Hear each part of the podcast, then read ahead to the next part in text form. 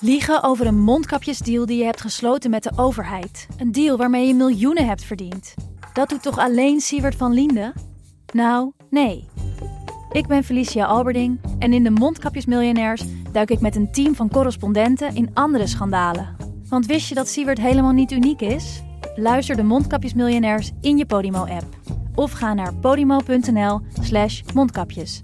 En probeer Podimo 30 dagen. podimo.nl slash mondkapjes. Deze podcast is 100% expertisevrij en alleen geschikt voor amusementsdoeleinden. De inhoud mag dus niet worden beschouwd als financieel advies.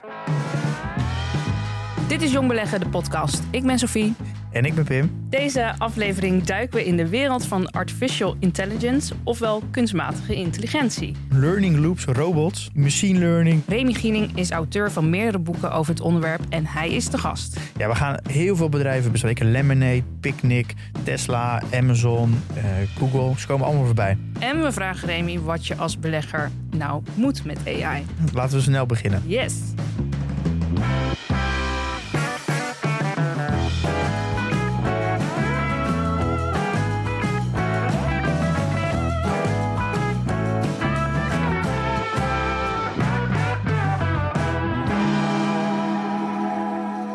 In deze aflevering hebben we het over AI. Wat is het? Welke bedrijven maken er al gebruik van?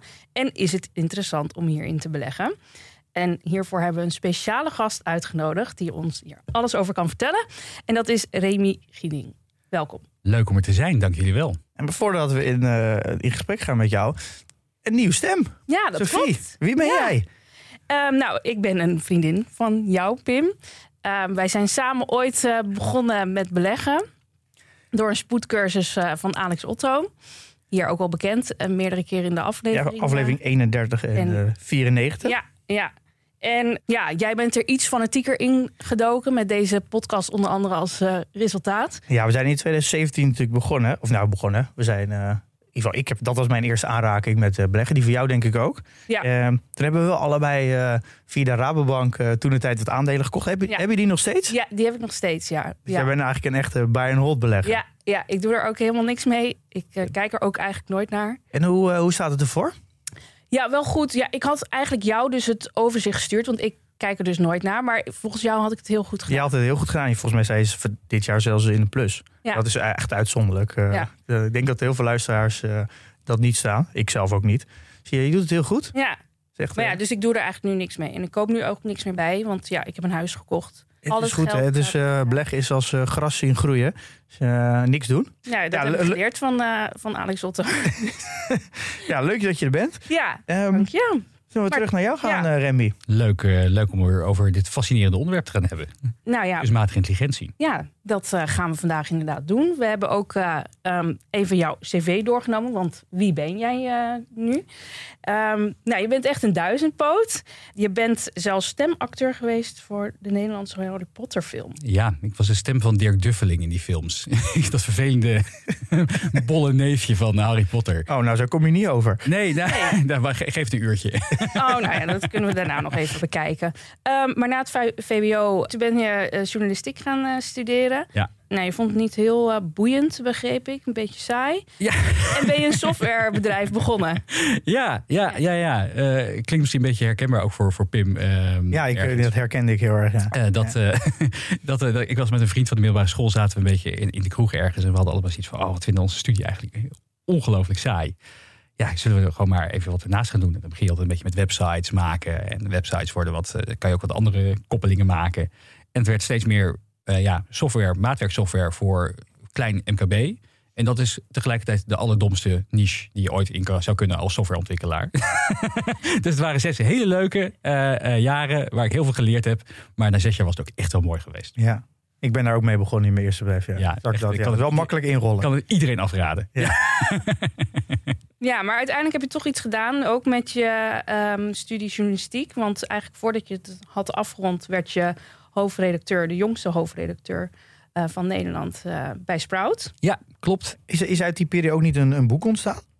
Eh, zeker. Ik heb, ik, heb er, ik heb er toen twee geschreven. Eentje over de, de, de, de, de 100 Business Bites. Dat ging over eigenlijk de belangrijkste management ideeën, modellen. Ik heb een rare fascinatie voor businessboeken. Eh, die, die, die hobby delen we geloof ik ook. Maar ehm, Dus dat was het eerste boek. En die laatste is inderdaad Ontdekte groeikansen van AI. Dat was eigenlijk mijn lockdown-project. ik, zat, ik, zat, ik zat thuis op kantoor, eh, of thuis, thuis aan het werk in die lockdown. En ik dacht, oh ja, weet je, het is, het is voor mij echt weer tijd voor een boek. Wat is nou meer fascinerend dan de technologische ontwikkelingen rondom kunstmatige intelligentie? Want we staan echt opnieuw aan de vooravond van, van, van, van een enorme ja, tech-tsunami tech die over ons heen gaat komen. Net zoals de begindagen van het internet. En ik dacht, ik wil weten hoe dat zit. Ik, ik wil weten wat er, wat, er, wat er gaande over is. Maar ik weet er eigenlijk te weinig van af. Dus ik heb gewoon 40. Um, ik, heb, ik heb het als een soort van lean startup projecten aangevlogen. Ik heb uh, de hoofdvragen voor mezelf bedacht. Ik heb de 40 experts gevonden waarvan ik dacht, die kunnen deze vragen beantwoorden. En uh, ik denk, als ik het snap, dan kan ik het ook uitleggen aan anderen. Dus daar is het boek uit ontstaan. Nou, volgens mij een aardig geslaagd project. We hebben het boek allebei gelezen. Heel, heel toegankelijk voor een complex onderwerp. Is, is daaruit ook je platform AI.nl ontstaan? Ja, eigenlijk wel. Ik had destijds mijn, mijn, mijn, mijn huis verkocht. En ik dacht ook al van, van, van. Ik dacht toen al dat er een soort aandelencrash aan had te komen. Nou, ik zat er, ik zat er slechts drie jaar naast. uh, ik dacht, ja, dat geld op de bank, dat het doet niks. Ik wil niet de aandelen stoppen, want het zal wel gaan crashen. Dus ik dacht, oh, ik vind, wel, ik vind het zo'n fascinerend onderwerp. Ik wil je echt nog zoveel meer mee gaan doen de komende jaren. Ik zag dat AI.nl te koop stond was een, eh, het was, ik zeg altijd, het was niet dit of een Tesla. ik denk, nou, dan, uh, ik, ik, ik, doe eens een gokje. Ik, ga, ga hier even in verder. Nou, de domeinnamen zijn ook een goede investering. Ja, nou, ik, ik, eh, het, het, moet blijken, maar het, ik, ik heb in ieder geval heel veel lol aan. Dat, ja. dat helpt. Want waar komt jouw interesse voor AI vandaan? Dat het een beetje mee te maken heeft dat, um, uh, volgens mij zitten we een beetje dezelfde leeftijd. Uh, we hebben de begindagen van internet echt wel meegemaakt, maar nog op een te oppervlakkig vlak om echt de businesskansen ervan te ontdekken. Dus weet je, we maakten wel gebruik van Hives, maar we hadden, denk, waren denk ik te jong om zelf een platform als Hives te kunnen, te, te, kunnen bedenken. En uh, ik had zoiets van, dit, dit, dit gaat zoveel komen de komende jaren. Ik wil eigenlijk die boot niet opnieuw missen. En ik snapte het dus echt gewoon zelf niet. Hoe, hoe kan het nou zijn dat computers taken van mensen steeds beter kunnen overnemen. Dat computers kunnen leren van data. Hoe werkt dat? Ik was gewoon heel nieuwsgierig ernaar. En ik dacht, ja, volgens mij. En ook alle rapporten die je leest, weet je wel. Ik, ik, geloof dat PwC heeft bedacht, dat uh, heeft uitgerekend dat, dat technologie rondom kunstmatige intelligentie tot 2030 15,3 triljard aan wereldwijde marktwaarde gaat opleveren. Helaas gaat het gros, als het er zo uitziet, naar China de VS. En daar komen we zo meteen nog wel op. Maar ik dacht, ja, hier, dit, dit is echt wel de next big thing. En ik wil eigenlijk, aan de, ik wil eigenlijk vooraan staan op de troepen. En, uh, uh, Nederland uitleggen van, wat kan je ermee? Wat is het? Wat kan je ermee? Waarom moet je erin investeren? Uh, waar, moet je, waar moet je in investeren? En um, uh, ook een beetje omdat ik er wel echt, echt in geloof dat als we niet heel snel stappen gaan maken met z'n allen, dat het gewoon heel moeilijk wordt om mee te doen als een serieuze speler in de economie van overmorgen dan wordt het gewoon heel moeilijk om onze ziekenhuizen en musea te kunnen betalen. Dus ik geloof wel, er zit, er zit een intrinsieke fascinatie achter. Maar ook wel iets van, we moeten wel. Want anders wordt Nederland er niet leuker op eh, over, over 10, 20, 30 jaar. Ja, wat, kan je ons even meenemen naar helemaal... Ja, het is een containerbegrip. Naar wat is nou AI en wat is machine learning voor, voor de de simpele leek. Ja, het is inderdaad een hele, ja, hele brede term. Dat gaat echt van je stofzuigrobot tot, uh, tot, tot, tot de zelfrijdende auto, tot, tot de Tesla-bot, tot aan, uh, tot aan een algoritme die bepaalt uh, hoe hoog je hypotheekrente moet zijn. Dus het, er zit heel erg veel komt erbij kijken. Wat je zou kunnen zeggen is dat het gaat over computersystemen die ja, menselijk handelen zouden kunnen kunnen, kunnen, kunnen nabootsen, kunnen overnemen in, in bepaalde mate. wat, wat doen mensen? Wij nemen, wij nemen iets waar. We zitten, hier, we zitten hier in een podcast, jullie stellen een vraag, ik neem dat waar. Uh, uh, ik analyseer dat. Wat voor vraag is het? Wat zou ik erop moeten antwoorden? En vervolgens doe ik er iets mee. Ik ga antwoorden. Dus voor mij zijn het computersystemen die dat, dat proces nabootsen. Ze nemen iets waar, ze analyseren het en acteren daarop. En of dat nou is dat, dat je auto bepaalt dat hij moet remmen of dat hij naar rechts stuurt. Of dat een algoritme bepaalt om, uh, of, of je hypotheekrente iets hoger moet omdat je in een wat hogere risico, risicoklasse zit. Of dat je uh, een camerasysteem hebt die je binnenlaat omdat hij herkent dat, uh, dat jij het bent. Of je, of je kat binnenlaat omdat hij je kat herkent. dat, dat, dat valt er allemaal onder. Het is een enorm paraplu-term eigenlijk. Ja, maar het klinkt heel simpel eigenlijk als je zo zegt. Ja, dat is heel, heel, heel plat gezegd. Is natuurlijk ook wel. Als je, als je het wat meer plat slaat voor bedrijven, gaat het gewoon zorgen dat het proces gaat versnellen. Dus je kan uh, je kan efficiënter opereren, kosten besparen, zeg ik altijd. Je kan betere producten maken voor je eindklanten. Uh, oftewel, je kan meer omzet behalen ermee. Of je kan inzichten verkrijgen uit data, waardoor je betere beslissingen kunt nemen voor de toekomst. Dat zijn eigenlijk de drie, voor, in ieder geval voor bedrijven, de grootste drie toepassingsgebieden die, uh, die, die aan te komen. Dus AI kan dingen beter doen eigenlijk soms dan mensen dat zelf kunnen. Ja, ja en, dat, en dat, daar, dat is wel een, geestige wat je natuurlijk heel veel hebt... is de discussie over superintelligentie. Dat gaat natuurlijk alle, alle Hollywoodfilms gaan erover over eh, computersystemen die slimmer worden dan de mens. Of een film als Her met Joaquin Phoenix. Oh ja, Fantastische film waar die verliefd wordt op een, op een, op een spraakalgoritme. Een soort, een. OS. Ja. Of Eh, Black Mirror. Ja, of Black Mirror voor de andere kant. Ehm, eh, en nu van de week, als we dit opnemen, was er net weer een, een hele discussie gaande rondom een Google-engineer. Die eh, bij hoog en laag beweerde dat het, eh, het, taalalgoritme wat ze hadden ontwikkeld, eh, Lambda, dat hij sentient was, dat hij zelfbewust was geworden. Want hij had een heel chatgesprek gevoerd met dat chatalgoritme. En die, die vertelde, die beste engineer, dat, dat, dat, dat het inderdaad zelfbewust zou zijn. En dat het bang was om uitgezet te worden, want het zou aanvoelen als de dood. Dus die man was overal op de, op de, op de tamtam gaan slaan van help jongens, we hebben een sentient AI gecreëerd. Nou, dat, eh, die, beste man is er door geschorst, want die heeft interne documenten daarvoor uitgelekt. Maar eigenlijk, ja, elke, elke expert die hier iets van weet, zegt: ja, dit is, dit is onzin. Dit is gewoon een heel goed, slim statistisch model. Eh, dit is geen, dit- er is nog lang niet zoiets als een sentient AI. Superintelligentie is nog echt lichtjaren weg wat dat betreft. Het gaat vandaag de dag heel erg over. Over narrow AI wordt het ook al genoemd, dumb AI. Computersystemen die een heel simpel klein taakje veel beter kunnen dan wij mensen. En een sim- simpel taakje kan dus inderdaad zijn om, een, eh, om, om zo'n hypotheekrente te bepalen. Of, eh, of te kijken van, de, van, van wie is de best performer in, eh, in, je team. Of welke klanten zullen overmorgen eh, misschien wel gaan opzeggen of niet.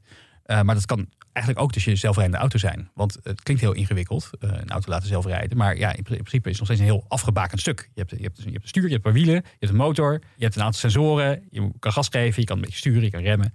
Ehm, dus het klinkt heel ingewikkeld, maar het is best wel, mate, eh, best wel makkelijk. Dus zelfs een zelfrijdende auto is, valt onder dat narrow AI.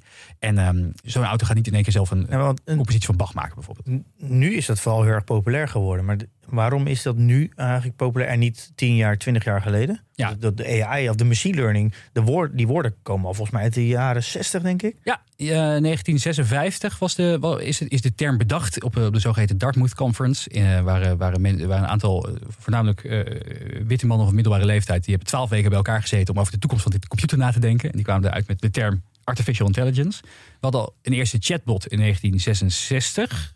Eh, Eliza heette die. Die kon een soort van diagnose stellen, een soort van arts. Je had de eerste zelfrijdende bus al in 1984. Eh, dus eigenlijk is die technologie heel oud inderdaad. Eh, maar wat je zag is dat eigenlijk drie ingrediënten- nodig zijn om artificial intelligence echt aan het werk te zetten. Om er echt waarde van te kunnen maken. Eén, talent. Dus je hebt wiskundigen nodig, statistici. Nou, die had je destijds ook wel. Dus dat, dat was inderdaad het probleem niet. Maar eh, waar, het tekort aan schoot was heel veel data. Want je moet algoritmes eh, eh, ja, trainen, leren. Alsof je een kind aan het opvoeden bent. Dus met heel erg veel voorbeelddata. Ja. Nou, die data was er amper. En, eh, eh, en rekenkracht. En er waren natuurlijk maar een paar universiteiten met een enorm serverpark in de kelder. Eh, maar tegenwoordig, met de komst van de cloud, weet je, kan iedereen die, die een goed stel hersens heeft. ik denk dat wij in, in, in, ons in een week met, met z'n allen kunnen wij ons, onszelf een, een machine learning model op de eh, Google eh, of, eh, of Microsoft Azure of AWS Cloud aanleren. Om, da- om daarmee in ieder geval iets te gaan ontwikkelen. Dus die rekenkracht is in- inmiddels beschikbaar. En er is zo ongelooflijk veel data. Ik geloof dat we elke dag hoeveel 12 miljard terabyte Ja. in ieder geval een hele grote hoeveelheid data verzamelen. En die mix zorgt ervoor dat we nu echt ja, ja, gewoon heel veel taken van mensen kunnen gaan automatiseren. Ja, het is eigenlijk de, de grondstoffen van AI die, zijn nu, die worden eigenlijk nu aangeboden. Dus de cloud en, eh, nou, de, en de kennis eigenlijk, die is er nu ook. eh, de opleidingen zijn er nu ook. Of, Ja. eh, de universiteiten richten daarop. Dus eigenlijk nu de hele infrastructuur, de, bouw, de bouwstoffen, die zijn er nu om, om als bedrijf zijn goed AI toe te passen. Ja, ja zeker. En eh, ehm, ik denk dat we daar de komende jaren heel veel van gaan zien. Ik denk ook dat het heel erg belangrijk is. We zitten natuurlijk, dat is een, iets waar, waar ik de laatste tijd even over aan het nadenken ben, is dat we, iedereen heeft het over, over dat we met personeelstekorten zitten natuurlijk. Elk bedrijf heeft mensen tekort. En ik zit erover te nadenken, ja, voor mij hebben we niet zozeer alleen een mensentekort. We hebben ook gewoon een heel erg groot automatiseringstekort. Er zijn te, te weinig mensen die, die, die gewoon echt verstand hebben van hoe kan je nou taken binnen je. Want heel vaak als het gaat over AI, denken we van, oh ja, het gaat, ons hele, het gaat onze banen overnemen. Het gaat onze baan niet overnemen, het gaat taken overnemen. En vooral eh, in eerste instantie de saaie repetitieve taken die we toch al niet zo graag doen. Kun je Dus- daar een voorbeeld van noemen? Ja, ik denk dat niemand 's ochtends opstaat eh, en denkt van... oh, wat leuk dat ik vandaag weer eh, zes uur lang achter mijn laptop kan gaan zitten... mailtjes te versturen of eh Excelletjes aan het copy-pasten ben... of informatie van het ene spreadsheet naar het andere zetten. En ik denk, er zijn, gewoon, er zijn al heel veel tools beschikbaar... Die, waar, waar, waarbij je gewoon een aantal taken binnen je, binnen, binnen je werk... mee zou kunnen automatiseren. En ik, ja, ik wil dus gewoon een lans voorbreken... Dat, dat er naast de CFO en de CTO en de CEO in het bedrijf... gewoon een Chief Automation Officer moet komen. Volgens mij eh, eh, als, er, als er één iemand is die gewoon alles eraan doet om zoveel mogelijk taken binnen je bedrijf te gaan automatiseren. Volgens mij is er, is er in, in elke baan is, is een aantal uren in de week makkelijk te besparen. En kan je met veel minder mensen dus vandaag de dag al echt hetzelfde gaan doen. Maar is dit dan nu alleen nog maar weggelegd voor grote bedrijven? Nee, helemaal niet. Ik denk, uh, er, er, er, door die komst van die cloud en die data zijn er heel veel SaaS-startups uh, gekomen, software as a service startups, die, uh, die met, met machine learning en data gewoon bepaalde oplossingen maken. Het gaat bijvoorbeeld over, er zijn heel veel systemen die je helpen bijvoorbeeld bij het uitschrijven van, van audiotranscripten naar tekst. Dus, uh, er zijn, uh, dus je, kan vergaderingen kan je, kan, je, kan je automatisch laten uitwerken. Interviews kan je automatisch laten uitwerken. Nou, dat is vaak nog 70, 80 procent accuraat. Dus je moet er soms nog een menselijke slag overheen maken. Maar dat is al een ontzettende versnelling voor, voor je werk. Als je dat normaal gesproken moest terugluisteren en, en handmatig de dingen eruit halen tegelijkertijd hetzelfde geldt voor. Ik ben nu bezig met een, met een, met, met, met, met een clubje om uh, te kijken naar wat kan AI allemaal al, voor teksten genereren. Nou, dat is best wel geavanceerd. Dus je kan uh, uh, kan je laten maken, je kan e-mail laten maken. Er zijn algoritmes die je helpen bij het maken van afbeeldingen voor, voor, voor marketing en sales. Ja, er, zijn, er is al zo ongelooflijk veel mogelijk. Dan moet je dus eigenlijk wel als organisatie wel in je core wel heel erg een digital hebben. Dus je moet al een team hebben van software engineers die die, die dat ook begrijpen, die dat kunnen implementeren in de bestaande, bestaande producten. Dus eigenlijk een beetje vergelijkbaar met. Uh, dat is altijd zeggen, ja, elk bedrijf moet eigenlijk een softwarebedrijf worden. Ja. Maakt niet uit welk, welke branche je zit. Geldt dat eigenlijk dan nu ook, maar dan, dan een beetje de overtreffende trap in de vorm van je moet eigenlijk bijna AI first zijn. Ja, ja, dus inderdaad op de lange termijn denk ik dat elk bedrijf inderdaad naar zo'n AI-first strategie naartoe moet. Uh, is daar een mooi voorbeeld van, zou ik zo even noemen. Maar ik denk voor de korte termijn, kijk, je hebt, uh, als, je, als je het gaat hebben over, over kunstmatige intelligentie, wat is, nou, wat is nou de meerwaarde? Dan kan je dat heel erg hebben over de korte termijn en de lange termijn. Korte termijn zit denk ik heel erg op inderdaad, hoe kunnen we bepaalde taken binnen ons bedrijf nu al automatiseren? Hoe kunnen we dingen slimmer doen? Hoe kunnen we onze klantenservice uh, slimmer maken met kunstmatige intelligentie? Dat we, uh, dat, dat, dat we in plaats van uh, acht uur doen om een reactie te geven aan mensen, dat we er twee uur over kunnen doen of minder. dat is heel erg de korte termijn. Dat zit dus heel erg ook op die tooltjes die er al zijn. Dat hoef je, dat hoef je niet allemaal, je hoeft niet steeds te veel zelf opnieuw uit te vinden. Dat is er al. En op lange termijn is inderdaad heel erg de vraag van: oké, als, als dus inderdaad we met z'n allen geloven dat data het, het nieuwe goud is. En dat, dat we met kunstmatige intelligentie echt nieuwe producten en diensten kunnen gaan maken die onze klanten helpen. Um, laten we meteen het voorbeeld van Lemonade ook eventjes halen, zo'n zo AI-verzekeraar. Dan zit je inderdaad meer aan het kijken van, oké, hoe, hoe moet ik mijn bedrijf echt helemaal gaan transformeren? En dan kom je inderdaad bij de mensen terecht van, oké, wat voor teams heb ik daarvoor nodig? Wat voor, wat voor data scientists heb ik daarvoor nodig? Wat voor machine learning engineers? Maar dat is meer voor de lange termijn. Dus ik denk dat dat voor de korte termijn, ook al heb je die nog niet, dat er al echt een wereld te winnen is.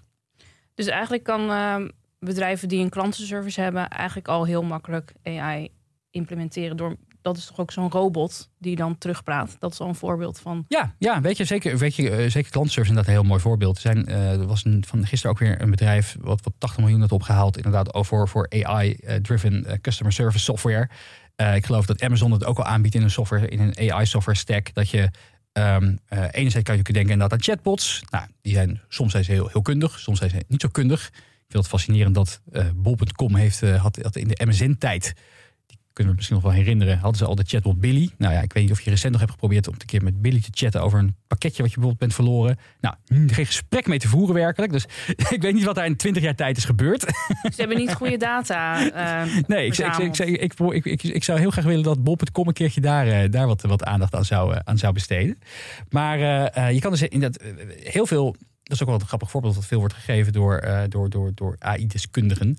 Je, je, je, weet wel dat je af en toe naar zo'n callcenter belt en dat dan staat dit gesprek kan worden opgenomen voor trainingsdoeleinden. Ja. Ja. Dan denk je altijd van, oh ja, dan zal er wel iemand meeluisteren. Maar dat, dat is vaak gewoon niet het geval. Dat, die, die, die, die, die, die, die voice data wordt gebruikt om algoritmes mee te trainen. Van uh, topic modeling, van, uh, van, van, van, van wat voor onderwerpen worden er gevraagd. Uh, er zijn algoritmes die een soort analyse doen op het stemgebruik van mensen. Dus klinkt deze persoon geagiteerd. en op basis daarvan ook alweer suggesties kan geven aan de callcenter medewerker van de-escalerende gesprekstechnieken. En het grappige is dus, wij denken altijd van, oh ja, we, we, de, we, die, die gesprekken worden opgenomen voor, voor mensen. Nee, die worden opgenomen voor een uh, algoritme. Het hele internet zit, zit allemaal verborgen trucjes dat wij als mens eigenlijk de datasets Data aan, aan trainen. Dan wordt bij Google krijg je bij, bij heel veel formulieren krijg je al de vraag: ben je een robot? Ja, die, dan moet je zeggen van ik ben geen robot. En dan moet je zeggen, ja, dus klik op de stoplicht of klik op de, de fiets. Ja, of het zebrapad. Of zebrapad of de bussen. Dan zijn wij eigenlijk gewoon als mens gewoon het AI aan het trainen.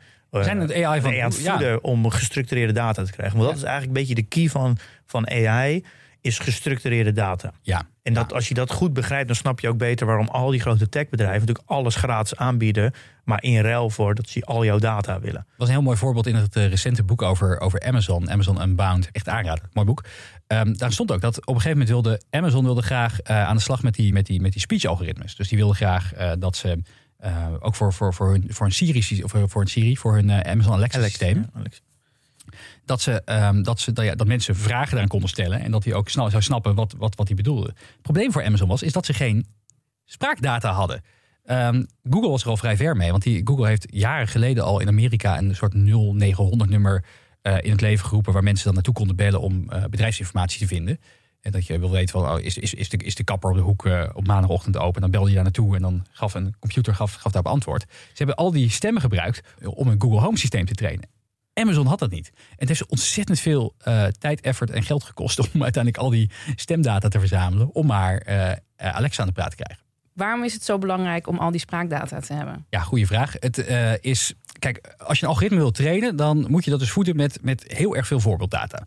Jouw stem klinkt heel anders dan die van mij. Die van mij klinkt wel anders dan die van Pim. Pim klinkt wel anders dan, dan Milou. En, en, en dan ook nog eens, weet je wel, dat, dat is alleen nog wel Nederlands. Maar heb je ook nog met accenten te maken. Heb je nog met verschillende talen te maken. En als je heel erg plat slaat, is stemdata is gewoon, ja, dat is, dat, dat, zijn, dat is een audio wave, waveform. Dat, is, dat, zijn, dat zijn eentjes en nulletjes. Kan je, als je helemaal weer plat slaat naar, eh, naar data. Dus een computer moet daar, weet niet van zichzelf, als ik het woord, eh weet ik veel, podcast zeg, wat ik daarmee bedoel. Hij moet een soort van overeenkomstigheden gaan vinden. Dus we moeten echt, echt misschien wel eh, honderden, duizenden, tienduizenden voorbeelden hebben van mensen die podcast zeggen en daar het labeltje podcast aan hangen, om dat aan de praat te krijgen. Dus Google en eigenlijk al die andere bedrijven hebben ook echt legers, echt hele grote, enorme batches aan mensen, link, opgeleide linguistici, die alleen maar ja, jarenlang zijn bezig geweest om audiodata te transcriben met dit woord betekent geschreven dit. Ja, in deze context. In jouw boek geef je ook een voorbeeld van dat eh, om zeg maar data te vullen, dat ook wel eens aan bedrijven medewerkers wordt gevraagd om te helpen. Een Ja. voorbeeld van gemeente Amsterdam om ehm, beelden waar vuilniszakken op staan, om dat te labelen. Ja, dat is ook een heel mooi, is heel mooi boek over geschreven, Ghost Work. Dat gaat dan over de verborgen economie eigenlijk, of de, de verborgen eh, economie achter, achter, achter data en algoritmes. Omdat je dus inderdaad heel veel data moet labelen, moet trainen. Dat is al- allemaal mensenwerk. Dat wordt vaak uitbesteed via allemaal tussenplatformen aan Pakistan of India. Dat, dat, dat, dat zie je gewoon niet gebeuren. Eh, maar als je er echt zelf mee aan de slag gaat eh, en, en je besteedt het nog niet uit, want je moet het toch altijd ook eerst even zelf doen, dan moet je dat dus inderdaad zelf allemaal gaan labelen. En de gemeente Amsterdam is een mooi voorbeeld. Die heeft op een gegeven moment eh, die wilde een aantal gemeenteauto's uitrusten met camera's. En die, dat die zouden kunnen herkennen als er zwerfafval op straat was. Dus als er bijvoorbeeld iemand een, per ongeluk, per iemand een bank aan de, langs de kant van de weg had gezet. Of vuilniszakken die niet horen te staan. Dat de gemeente automatisch een seintje zou kunnen krijgen om het op te ruimen. Maar ja, dan moet je dus inderdaad al die afbeeldingen. Zwerfvuil moet je. Ja, en dan moet je allemaal gaan labelen. Dan moet je allemaal, allemaal, eh, allemaal eh, hoe heet dat, blokjes omheen tekenen. Eh, eh, want dan kan de computer herkennen hè, dat met, als, je maar, als je maar genoeg eh, eh, foto's van, van, van vuilniszakken eh omlijnt, dan kan de computer daar op een gegeven moment een soort van eh, eh, vergelijking in gaan zien. Van oh ja, deze pixels en deze, en deze kenmerken heeft een plaatje van een vuilniszak. Eh, maar dat kost dus inderdaad, ja, dat, dat, dat heeft denk ik heel veel gemeentemedewerkers heel veel uurtjes gekost. Eh, is niet, en is niet het leukste werk. Dus ik denk dat dat, dat is heel belangrijk om te weten. Dat je dus, je hebt dus heel veel data nodig. Dat is ook nog gestructureerd. Dus Ja. dat, je, dat, dat eigenlijk een, een algoritme kan her, voor zoveel procent kan herkennen. Oh, dit is hoogwaarschijnlijk een, een vuilniszak. En dan moet het hoogwaarschijnlijk aan de mens worden getoetst. En die mensen zeggen dan ja. En zo wordt het systeem Precies. steeds beter. Ja. En dan kom je op een gegeven moment op een punt dat je zo'n rijke dataset hebt. Dat je met eh, zoveel zekerheid kan zeggen dat daar een vuilniszak ligt. En en dan wordt het natuurlijk alleen maar steeds beter. Want als, dan krijgt het systeem bevestiging. Ja, dat klopt. En dan is het dus eigenlijk ook heel moeilijk voor andere systemen, andere datasets, om dat ook in te halen. Ja, En, klopt. en dan krijgen we eigenlijk dus een soort van exponentiële ja, voorsprong. Ja. Eh, en nou, om het bruggetje naar beleggers te maken, ehm, vanuit dat perspectief, hoe moeten we, hoe moeten we daar naar kijken? Ja, ehm, ik zie het inderdaad echt heel erg als een sneeuwbal. Dus als je zo'n sneeuwballetje van een berg afrolt, is het begint nog heel klein. En hoe verder die rolt, hoe meer sneeuw eromheen komt, hoe sneller dat ding gaat rollen. Op een gegeven moment is het niet meer te stoppen. Dat is denk ik hetzelfde als het gaat over, over je bedrijf helemaal bouwen rond, rondom data en algoritmes. En, ehm en, en zogeheten learning loops, die, eh, die, die ook wel beschreven staan in het boek The AI First Company. Dat, dat die cumulatieve opbouw van kennis is inderdaad op een gegeven moment heel mo- moeilijk op te bouwen. Het is lastig. We hadden het er ook al even over eerder in het voorgesprek. Dat eh, heel veel aandelenkoersen, ook van, ook van AI-first bedrijven, op dit moment flink, eh, flink onderuit zijn gegaan. Eh, we noemen net al eventjes Lemonade was min 80% ten opzichte van vorig jaar. C3 ziet er niet altijd best uit. Eh eh, Darktrace. Ehm, Want dat zijn bedrijven die echt... AI in de, in de, in de kern Ja. hebben. Ehm, maar het is best wel lastig nog voor, voor ons beleggers om te herkennen eh, wat er onder dat wateroppervlak gel gaat. Hoe, hoe, hoe, hoe hun datasets uitbreiden, hoe hun alg- algoritmes en modellen steeds slimmer worden.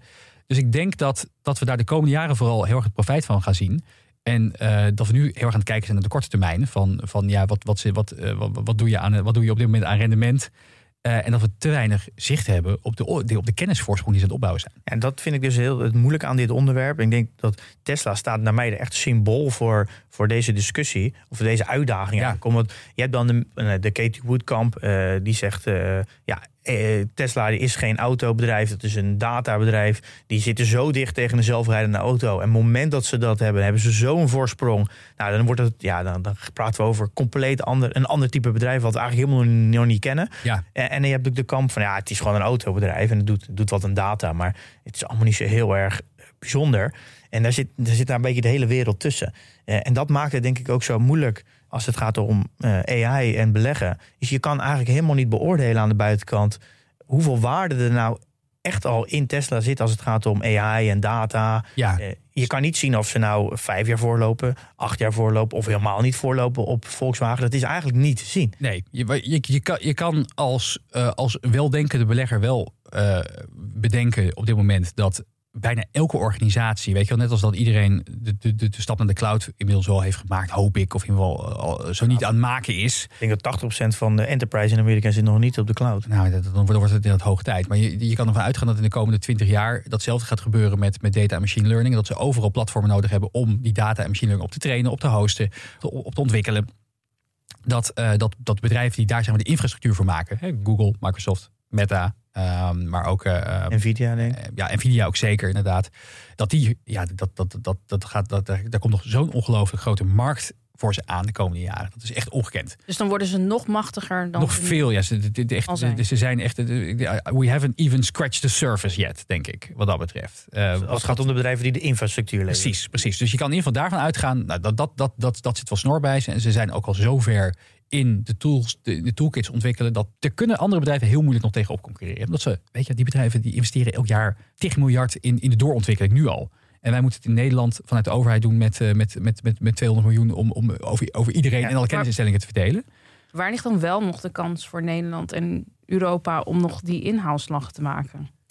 ja, dat, eh, ingewikkeld, ingewikkeld. In Nederland zijn we heel goed in de toepassing hè, van, van, van, van alg- algoritmes. Dus we kunnen heel goed de technologie eh, of, de, of de backbone infrastructure die ehm, is gemaakt in Amerika ehm, omzetten naar praktische producten en diensten. Klein nadeltje daarbij is wel, eh, moet ik erbij zeggen, dat heel veel eh, succesvolle start-ups en scale-ups die daar nu in actief zijn, ook al vrij snel weer worden verkocht aan buitenlandse partijen. Dus uiteindelijk heb je daar als, als Nederland op lange termijn nog steeds behoorlijk weinig aan. Maar eh, dus wij, zijn wel goed in het, in, het, in, het, in het ontginnen ervan. En waar Nederland en Europa zich heel erg hard voor wil maken, is dat, is dat human-centric AI. Dus dat, je, eh, dat je algoritmes ontwikkelt met altijd met, met de mensen in het achterhoofd. En dat er inderdaad geen algoritmes mogen komen wat, wat gaat over social scoring of over, Het gaat over ook facial over privacy. Wat Ja, hier het, het probleem daarmee is, Europa. vind ik een klein beetje, is dat we er een beetje in aan doorslaan zijn. Eh, in zoverre dat, dat we het er, het gaat er nu alleen nog maar over. We kijken veel te weinig als Nederland zijnde naar de automatiserings- en businesskansen die het, die het op dit moment oplevert. En we zijn ons aan het blind bediscussiëren over hoe houden we het allemaal eh, eh, privacyvriendelijk en menselijk. En ja, ondertussen, weet je wel, terwijl wij hier aan de linkerhand aan het, aan het, aan het discussiëren zijn hoe we het allemaal moeten doen, is aan de rechterhand is, eh, wordt, het bootje, wordt het bootje gebouwd in de haven.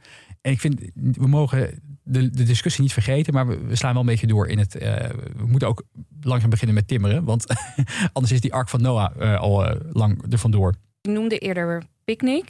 Is Ja. dat dan wel een goed voorbeeld van een bedrijf die... Vind ik, fasc- Ja, ja, vind ik fascinerend. Picnic is een beetje, een beetje gemodelleerd, denk ik, naar het, naar het Amazon-esque model. Amazon noemt zichzelf dus ook een AI-first bedrijf. Eh, jaren geleden heeft Bezos een keer Jim Collins uitgenodigd, het eh, auteur van het boek Good to Great, om eens na te denken over de toekomst van, van Amazon als businessmodel. En eh, Jim Collins heeft daar het, het, het flywheel-effect uitgelegd.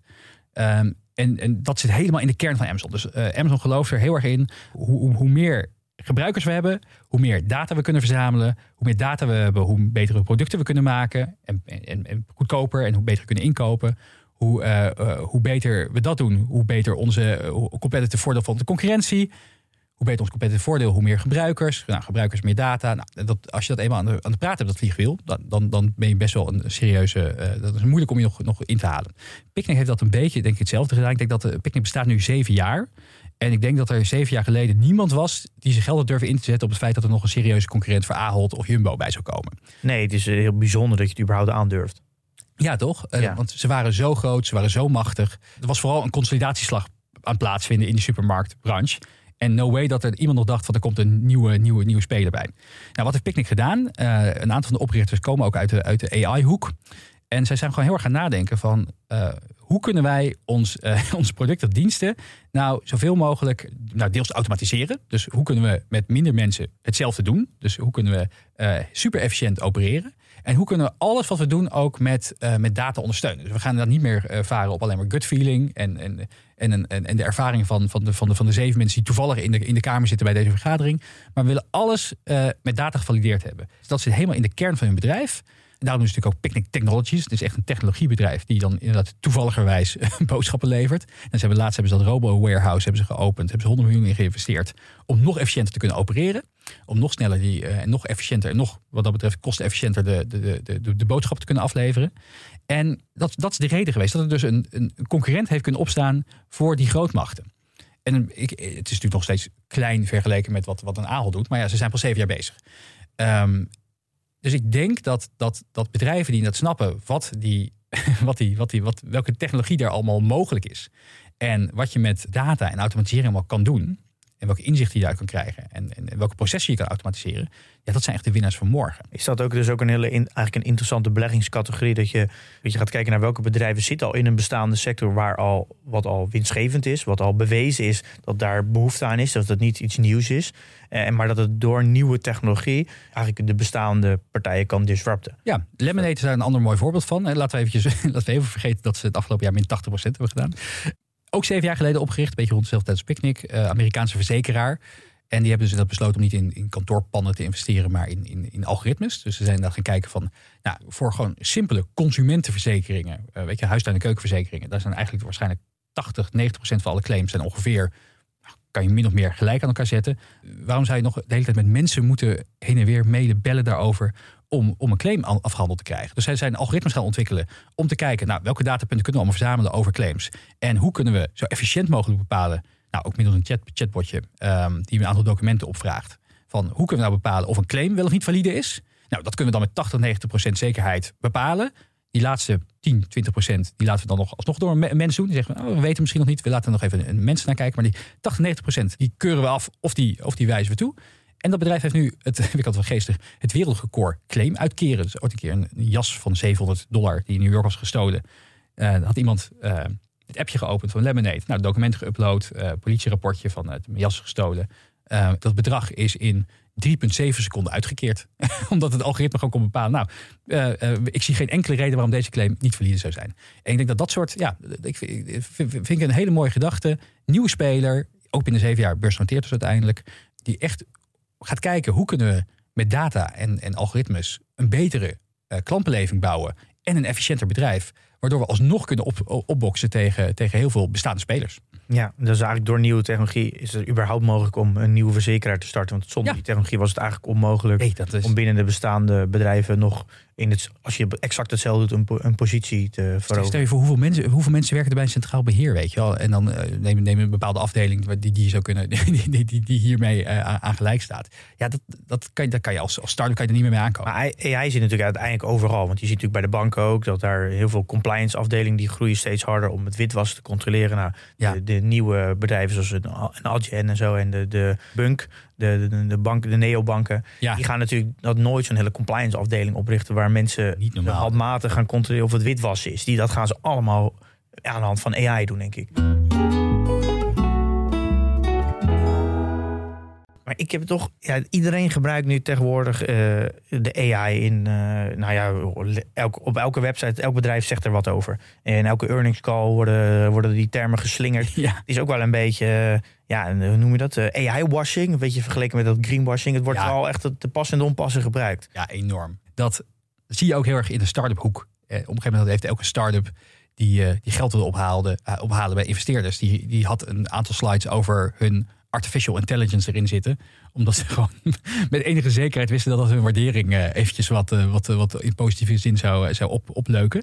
Dus al Ja. zeg je AI, dan krijg je Ja. een betere waardering. Ja, ook omdat heel veel, er nog heel veel onwetendheid over is. En niet, elk, niet elke, elke, elke investeerder zoveel weet van die technologie dat ze kunnen beoordelen of wat, wat, welke claims er zijn, of dat, of, dat, of dat klopt. En we hadden inderdaad laatst ook een, een, een Accenture-rapport gezien. Die hadden onderzoek gedaan naar 2000 grote bedrijven. Dus het zullen allemaal beursgenoteerde bedrijven zijn. Want wat bleek, als, als die eh, eh, het onderwerp van AI behandelde in een earnings call, dan was het 40% meer waarschijnlijk dat de stockprijs omhoog zou gaan daarna. Ja, oh, ja. Dus ja, er is natuurlijk ook een hele grote, ja, een soort van eh, fear of missing out zit er een beetje achter. Is een hele grote hype. Dat als je het maar roept, dat mensen al zoiets hebben van, oh, oh, nou, fantastisch dit. Ja. Die lopen Ja, voorop. die lopen voorop inderdaad. Maar dat is een beetje vergelijkbaar met, eh, denk ik, anderhalf jaar geleden. Dat als je bitcoin er zei, dat je dat op je balans had, dan ging je koers omhoog. Nou, dat En misschien nu dat je metaverse noemt, Ja. dan, eh, metaverse. dan als je als kledingmerk eh, metaverse noemt, dan... Dan geleden was het big omhoog. data. We waren, Ja. Iedereen zou een big data bedrijf Maar- worden. Als we het nou even concreet maken. Het is, eh, het is namelijk een heel complex onderwerp. Het is moeilijk te beoordelen of bedrijven het überhaupt doen. En, en hoe ze het doen en hoe goed ze het dan doen. En hoe groot ze het doen, hoe serieus ze het doen. En dat het niet een eh, projectje is van twee studenten die, die er wat, eh, wat mee doen. Concreet, wat, wat heb je er, ja, welke bedrijven doen er wat mee en wat kan je ermee als belegger? Ja, Moet je er überhaupt wat mee als belegger? Nou, ik denk dat je er echt wel van uit moet gaan dat, dat de, de, de AI-technologie ehm, echt wel. Nou, ik geloof dat, dat Satya Nadella van Microsoft heeft ooit gezegd dat eh, de impact of AI will be more profound than the invention of fire or electricity. Dus we, gaan hier meer. Dit gaat meer opleveren voor de mensheid dan, dan, vuur, of, eh, dan, dan, dan vuur of elektriciteit heeft gedaan. Nou, flinke uitspraak. En ik denk dat je eh, als belegger. Kijk, je hoeft, je hoeft echt geen AI-expert te worden. Dat, dat, iedereen is, druk zat met andere zaken. Maar ik denk wel dat je heel erg moet snappen van wat zijn nou, wat zijn nou de, de, de strategische kansen. En dat geldt eigenlijk ook voor, voor, voor ondernemers en business leaders-. Je hoeft de techniek niet tot in de treuren te snappen. Dat is dat, dat we ook niet meer precies weten weet je, hoe onze website gehost wordt. Maar je moet wel weten, wat kan je met de technologie? Wat, wat kan de technologie betekenen enerzijds voor, voor, voor, voor hyperautomation?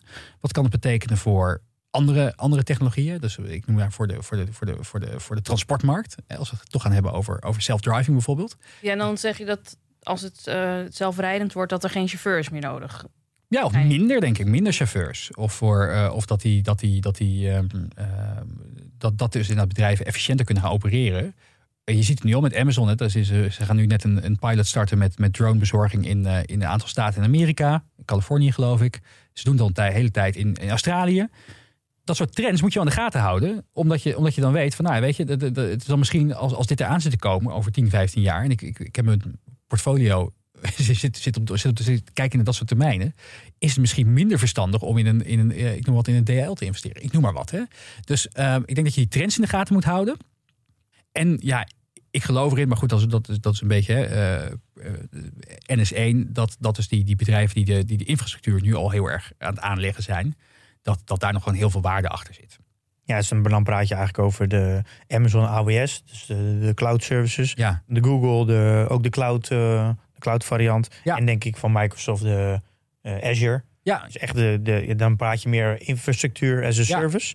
En Die- ja, precies. En voor die, en voor die andere AI-first bedrijven, hè, dus zo'n Lemonade of een, of een, of een, of een Palantir, of een, dus, dus die wel AI in, de- kern gebruiken, maar heel erg specifieke toepassingen ervoor maken. Of nou verzekeren is, of, eh, of defensie, of eh, kijk, wat hebben we nog meer? Dark Trace bijvoorbeeld, inderdaad, cybersecurity.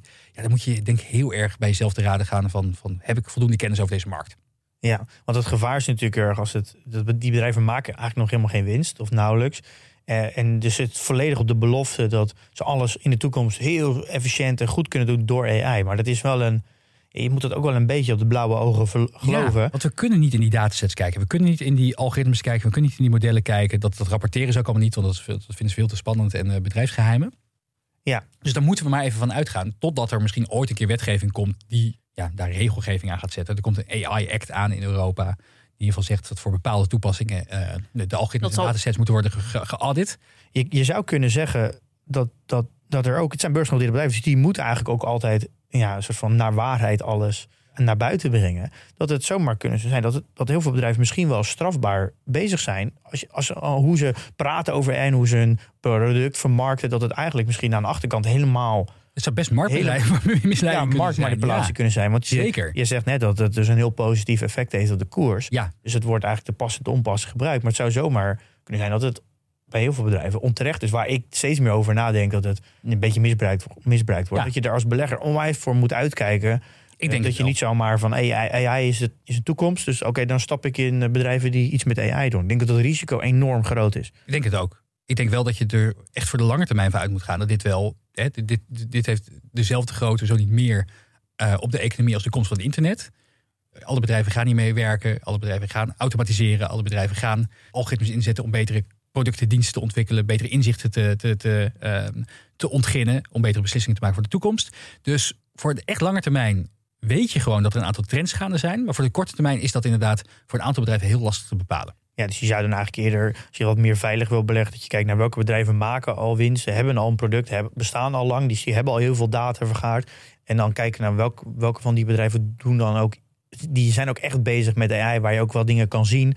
Dat je eigenlijk dus een iets veiligere belegging hebt, waardoor je wel de upside hebt mogelijk van het Ja. succesvol slagen van AI, maar niet de downside dat het, dat het helemaal niks wordt. Omdat het al een bestaand product is. En daar kom je toch wel snel bij de infrastructuurbedrijven uit. Ja, Eh, dat wat we net doen in Nvidia. Nvidia Ja, zeker. En, Ja. eh, en eh, Microsoft en een Google en een eh, Amazon. En je hebt ook al een aantal ETF's natuurlijk hierover, hè, die specifiek zich helemaal richten op AI en robotics bijvoorbeeld. Dus eh, als je net Maar als dan kom je wel een beetje in de hoek van de Katie Woods aandelen. Waar, waar alle winsten ruim echt heel ver in de toekomst zitten. En moet je toch, toch best wel veel beleggen in, in, ja, in eigenlijk fantasie nog. In Wat zijn Katie Woods aandelen? Ehm, ja, Katie Wood is een beetje het gezicht geworden voor alle bedrijven die heel technologisch onderlegd zijn, maar waar de, waar de winsten en de beloften heel erg ver in de toekomst liggen. Maar daar wordt in het nu wordt er nog niks verdiend. En is dat meer, is dat heel risicovol? Dat is zijn hele risicovolle aandelen. En jij, jij hebt ongetwijfeld ook wel wat rapporten van haar gelezen, want ze, ze ze is heel erg open in, in, de, in de analyses die ze deelt. Ze deelt alle modellen ook. Ze is Ja. natuurlijk een groot fan van Tesla. En als je die prognoses leest, en zij maakt heel erg die modellen op die exponentiële groei van data en, ja, en AI, dat wat het allemaal kan worden. Ja, Te- Tesla vind ik nog wel, nog een interessante, misschien wel heel eventjes in te duiken inderdaad. Want Tesla heeft, ik denk als de, enige, in ieder geval car manufacturer die elk jaar een AI day heeft. Dus ze hebben echt een hele dag dat ze het gaan hebben over alle AI-innovaties die ze aan het ontwikkelen zijn. Twee uur durende presentatie van Musk en als een techneute. En daar kan iedereen zich voor... Ja, is gewoon openbaar. Staat gewoon op YouTube. Kan, eh, iedereen kan kijken waar ze mee bezig zijn. Dan zie je inderdaad echt wel hoe ver ze, hoe, hoe ver ze gaan. Eh, een van de meest fascinerende dingen die ik uit de afgelopen editie had gehaald... is bijvoorbeeld dat heel vaak wordt gezegd... als het gaat over self-driving technologie... ja, maar een auto kan heel moeilijk omgaan met situaties die nog nooit is tegengekomen. Dus eh, eh, over bepaalde situaties zijn gewoon heel weinig data beschikbaar. Dus het is super onveilig om een auto autonoom te laten rijden. Nou, daar, eh, laten ze zien dat ze dus gebruik maken van de laatste game technologie, van de Unreal Engine bijvoorbeeld, om gewoon situaties te, te simuleren. Eh, ze hebben om hun zelfrijdende auto te te trainen. trainen. Ja, dus dan, eh, dan, dan zie je een, eh, een, een, een gezin met een kinderwagen over de snelweg rennen. Of dan zie je een, ze hebben een UFO laten landen. Of ze hebben laten een rendier door een stad heen wandelen. Om maar die auto te trainen om met een onverwachte situatie om te gaan. En ze zeggen eigenlijk, hè, van het belangrijkste is als je iets tegenkomt, wat je niet, wat, wat, wat, ook al weet je niet wat het is, rij je niet tegenaan. Nee, hij moet stoppen, die auto. Hij moet stoppen, maar het is op zich wel goed om het er- erop te trainen. Ik vind het fascinerend. Ik was een paar ehm, weken geleden op, op een congres. En daar was, was, was ook ehm Corine Vigreux van TomTom was daar. En die zei met volle overtuiging dat de zelfrijdende auto er niet zou komen. dat vind ik fascinerend. Ik, eh, ik was laatst in San Francisco en daar zie je die dingen al af en aanrijden. Niet nog met chauffeur, maar ze zijn nu langzaam aan het pilots aan het, aan het rijden om die chauffeurs ook achterwege te laten. Er zijn pilots in, in Austin, zag ik dat net weer vanochtend in de nieuwsbrief. Er zijn pilots in Miami. Dus die zelfrijdende auto, die, ik vind het zo fascinerend dat we, dat we daar zo met z'n allen, of heel veel mensen van denken, ja, dat komt er niet. in Amerika rijden ze gewoon echt rond. Dus um, ik vind het. Ik, maar zij snap niet zo goed waar die, waar, die, waar, die, waar, die, uh, waar die angst voor die komst van die zelfrijdende auto daarin vandaan komt. Is het angst dat hij, dat hij er komt? Of waarom dacht zij, zij, zij, zij dacht voor mij echt dat het technisch gewoon niet haalbaar zal zijn. Mogelijk. Denk ik. Ja, dat ging er niet zo diep op in. Maar ze maakt even een, een zijdelings een opmerking van ja, die, oh, die zelfrijdende auto, ja, die gaat er toch niet komen. Ja, dan moet je een beetje denken aan dat Bill Gates uh, ooit zei dat we nooit meer nodig hebben dan, hoeveel was het? Uh, 128 gram of zo geheugen. Ja. ja. toen hij dat zei, dan dacht iedereen ook van ja, ja, misschien heb je wel gelijk. En nu slaat het natuurlijk echt helemaal nergens op. Eigenlijk is het de meest, meest domme opmerking in de geschiedenis bijna van hem. Maar dat is, het is ook heel moeilijk. Om over je eigen horizon heen te ja, kijken. Omdat het ook allemaal exponentieel is. Dus je, ja, iets wat nu misschien 1% lijkt, ja. kan, uh, je bent er misschien 10 jaar over om, om op 1% te komen. Maar je doet er niet uh, nog 10 jaar over om 2% te komen. Dat doe je misschien binnen een half jaar. Dus het, het is zo moeilijk als, als, als een mens om dat in te beelden hoe snel dingen gaan. Is het ook, is het ook. Wat ik dus ook nog even terugkomend op Tesla. Nou, al die initiatieven van die zelfrijdende taxis die dus in die verschillende Amerikaanse steden rijden, dat zijn wel allemaal vaak andere merken. Dus zoals Cruise, van onderdeel van, van, van uh, Waymo is onderdeel van Google, Cruise mij onderdeel van Ford, zeg ik heel eventjes uit mijn hoofd. Um, en nog, een aantal, nog, heel veel merken, want er zijn de laatste jaren uh, heel veel bedrijven geweest die miljarden hebben opgehaald om self-driving technology te ontwikkelen. Nou, Tesla doet het ook en in, op een hele slimme schaal, omdat die uh, de, de, kennis van al die Tesla's die hier al rondrijden combineren. Dus ze, hebben wat dat betreft wel echt een groot, uh, groot, voorsprong. Waar ik het interessant van vind, is dat Musk nu, dus nu alweer nadenkt over de volgende stap. Van kunnen we die self-driving technologie ook in een in andere robots stoppen. Dus hij heeft uh, bij de vorige presentatie die Tesla-bot gepresenteerd. Uh, het prototype in elk geval ervan, of een, of een, of een, of een concept, een render. hij wil dit jaar, misschien begin volgend jaar, daar het prototype echt van hebben. Dus een, een, een, een humanoid robot, die dus een beetje ergens uitziet als een, als een mens, in ieder geval met een soort armen, handen en benen. Ja. en daar die self-driving technologie op inzetten. Dus de, de, hardware die ze gebruiken in die auto zit ook in die robot. om bepaalde ja, andere taken uh, uit handen te gaan nemen. Dus in fabrieken. Maar hij zei ook, ja, zo in de toekomst kan hij misschien ook wel de boodschappen voor je halen bij een supermarkt. Daar kent die robot is multi-inzetbaar. Die ja. kan je voor alles. Ik heb hem voor andere ja. dingen nodig dan dat PIM bijvoorbeeld. Ja, en hij, hij zegt natuurlijk op zijn Musk daar ook weer bij van ik, ik, ik verwacht dat of ik, ik het zou zomaar kunnen dat deze robot uh, voor meer marktwaarde gaat opleveren dan onze self of dan onze, dan onze auto en ons autobedrijf.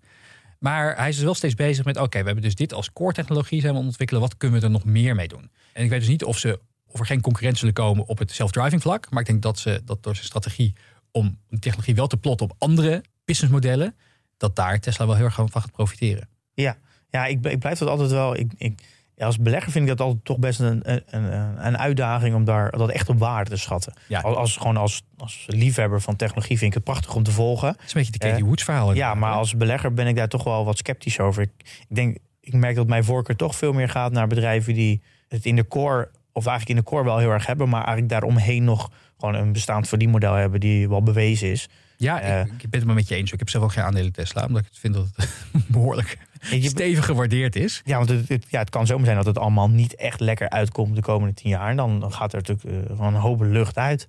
Nou ja, weet je, stel je voor dat inderdaad nu wel uh, Cruise en Waymo en, um, en, en, en Zoox en nog, nog, nog al die andere initiatieven die er gaande zijn rondom self-driving taxis, dat die wel inderdaad al zo goed zijn dat ze in die binnensteden van, Amerika, van Amerikaanse steden kunnen gaan rijden. Dat we daar dus inderdaad niet de Tesla's voor hoeven in te zetten. Ja, dat, dat, dat neemt misschien wel gelijk een hap uit hun, uit hun waardering. Zou zomaar kunnen.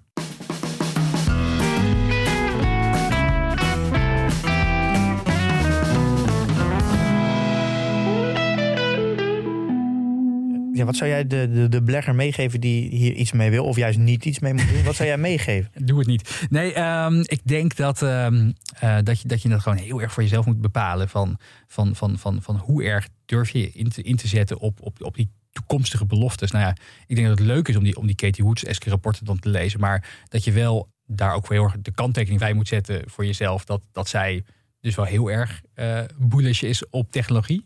En ik denk dat je houdt vooral, vooral goed in de gaten. En, en denk er ook eens voor jezelf over na. Hè, van, van hoe ziet die economie van we zitten nog steeds heel erg na te denken met z'n allen, merk ik, ik zelf ook, op hè, de economie van vandaag de dag. Hoe ziet het er nu uit? Oliecrisis, uh, gaspr gasprijzen. Het is soms heel moeilijk om eens na te denken, hoe ziet die economie er over 10, 20 jaar uit? Terwijl dat wel is wat, waar je vaak uiteindelijk op belegt. Dus ik denk dat je veel meer naar die gedachte misschien even moet nemen.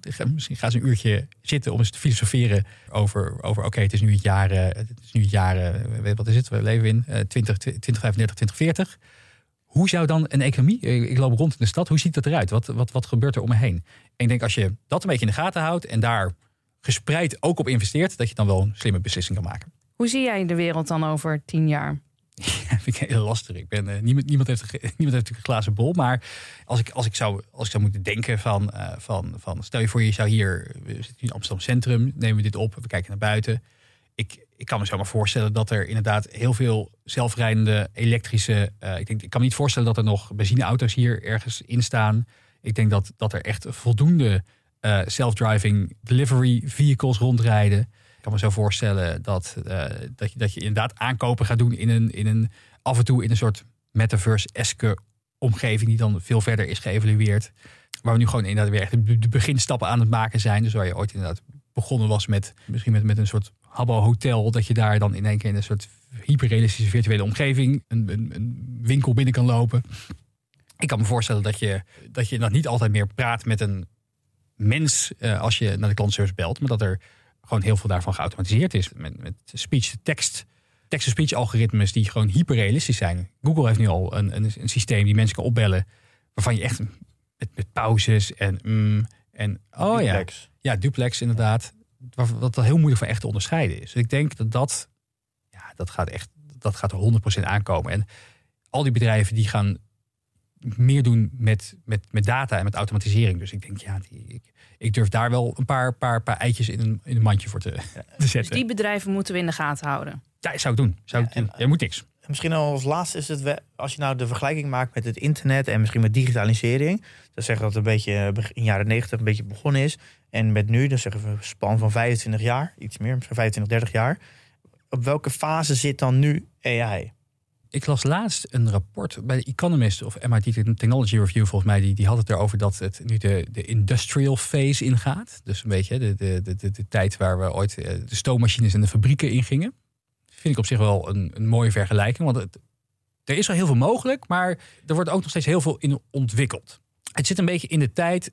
Je hoeft niet meer kladblok te openen om je, om je website handmatig te gaan maken ik denk dat je een beetje. De, we zijn echt nerds natuurlijk. Dus uh, de eerste versie van Dreamweaver, waar je al een klein beetje met tabelletjes je websiteje in elkaar kon, kon, kon, schuiven. Dreamweaver is een, uh, hoe je een website bouwt, een programma daarvoor. Lang geleden, ja. ja. Toen het toch wel, ik, denk dat macromedia uh, was. Er zijn weinig mensen luisteraars die verteld. Weinig luisteraars die dit weten. Het is een beetje de eerste, de eerste software tool waar je ja. iets gemakkelijker een website in kon bouwen dan dat je gewoon helemaal plain in kladblok Echt, website elk, typen. Elk, ja, Want ik ben begonnen in kladblok en ja. heel snel kwam Dreamweaver. was echt een soort van verademing. Want je hoeft, er werd gewoon heel veel dingen werd al voor je gedaan. Ja. En nu heb je WordPress en ja, nu hoef je helemaal niks meer zelf te coden voor een website. Ja. Dat was toen de tijd, was het dan een vooruitgang. Ik denk dat het daar... Maar, dat, dat, praten we echt over early days. Het is wel early dat days. is echt uh, nog voor de iPhone en zo. Is het ja, zo tijd dat zeker. Google net opkwam. Dus het is wel, dan betekent als je dat in op die manier bekijkt, betekent dat we echt nog in de early days zitten. Een, en dat we pas over tien jaar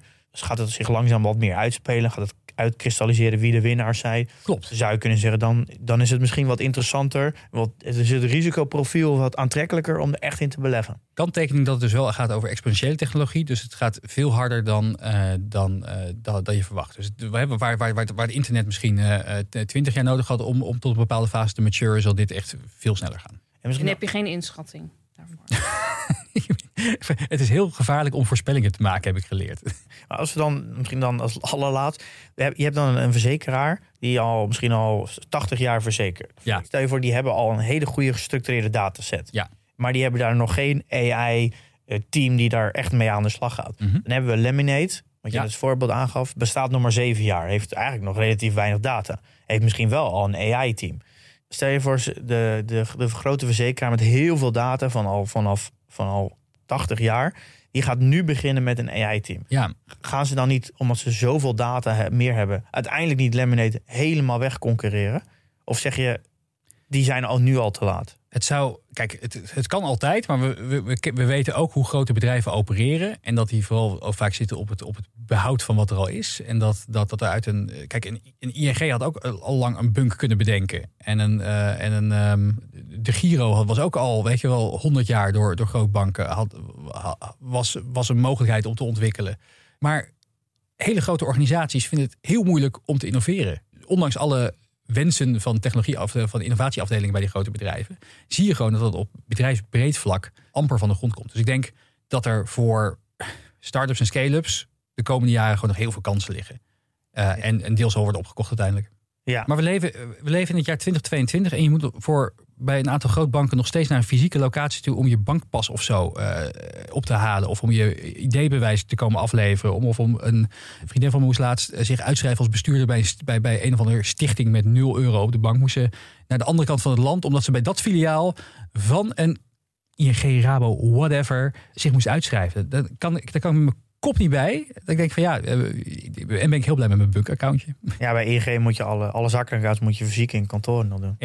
Ongelooflijk. Ja, kan, kan daar lichtelijk Daar kunnen nog een paar geagiteerd eh, van worden. slagen gemaakt worden. Ja, Dus eh, als, als, zolang dat is en blijft, en dat zal de komende jaren niet gaan veranderen, denk ik inderdaad, heb ik heel weinig vertrouwen in het innovatievermogen van grote organisaties.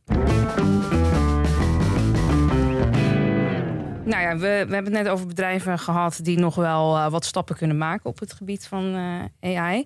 Ehm, jij hebt ook een paar boekentips. Misschien eh, dat zij deze eens tot zich kunnen nemen.